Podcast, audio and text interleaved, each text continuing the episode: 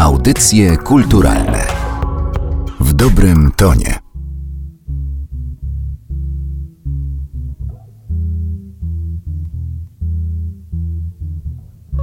No, proszę sobie wyobrazić. Marzec albo kwiecień. Mm, raczej marzec. Wieczór. Spotykam JP. Jest pijany jak świnia. A ja jestem trzeźwy jak świnia. Idziemy na kawę. Świetliki i kompozycja Nieprzysiadalność. Świetliki to oczywiście Marcin Świetlicki, postać y, przytłaczająca ten zespół, mimo że to jest zespół i muzyka jest istotna, no ale podstawą jest poezja Świetlickiego, który urodził się 24 grudnia, czyli tego samego dnia, co Adam Mickiewicz. Urodził się na Lubelszczyźnie, ale związany jest y, z Krakowem i większość życia spędził w Krakowie i myślę, że idealnie się wtopił w tamto środowisko, w tamten klimat, w to wszystko, czym tętni rynek i stara część Krakowa. Nieprzysiadalność opowiada o zdarzeniu, które odbywa się w kawiarni, można tak powiedzieć. Kawiarni, która jest bardzo istotną częścią życia Świetlickiego, ponieważ on właśnie nie tylko większość życia spędza w Krakowie, ale również w różnych kawiarniach. Prawdopodobnie chodzi o kawiarnię, która nosiła nazwę Zwis, bo tam najczęściej był widywany. Natomiast powiedzmy troszkę o samym Świetlickim i momencie, kiedy się ten utwór pojawił, bo on pochodzi z debiutanckiej płyty Świetlików. Projekcie absolutnie, można powiedzieć, nowatorskim. Ja nie pamiętam, czy kiedykolwiek w polskiej muzyce deklamujący teksty poeta był wspomagany przez zespół i do tego zespół powiedzmy o inklinacjach nowofalowych. Było to zjawisko zupełnie nowe, również na scenie nowofalowej polskiej i od razu świetliki otrzymały wsparcie.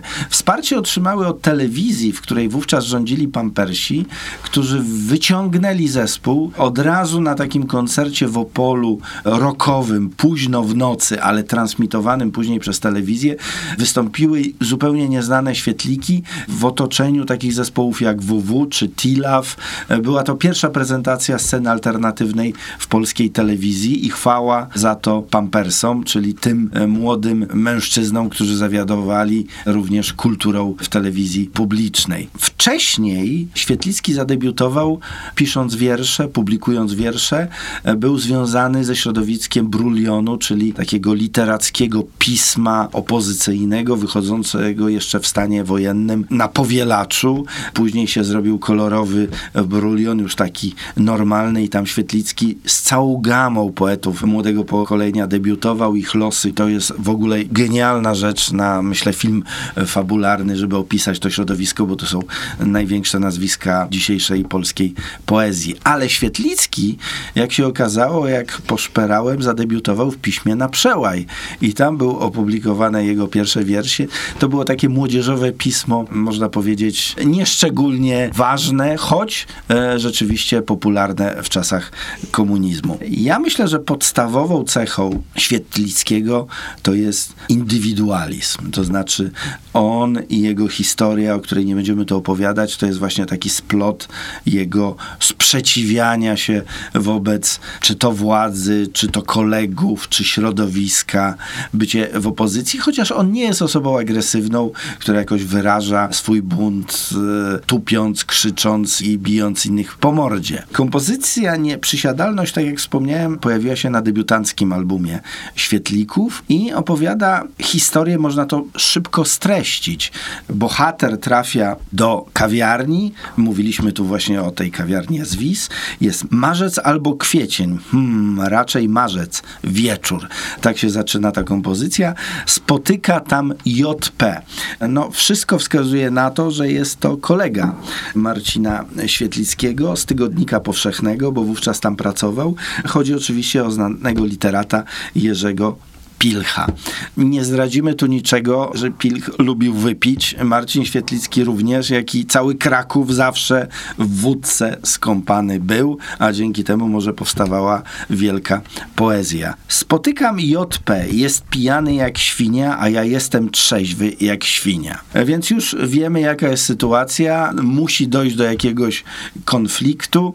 Natomiast nasz bohater jest w bardzo, bardzo złym stanie. Można powiedzieć, że ogarnął go krakowski splin, ale nie dotyczył sytuacji politycznej, tylko sytuacji uczuciowej.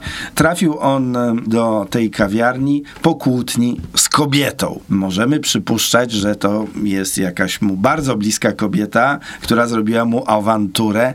Może chodziło o tę drugą kobietą, bo w tekście wynika, że bohater po kłótni z pierwszą kobietą ma się spotkać z następną kobietą i możliwe, że ta sytuacja również się zakończy karczemną awanturą.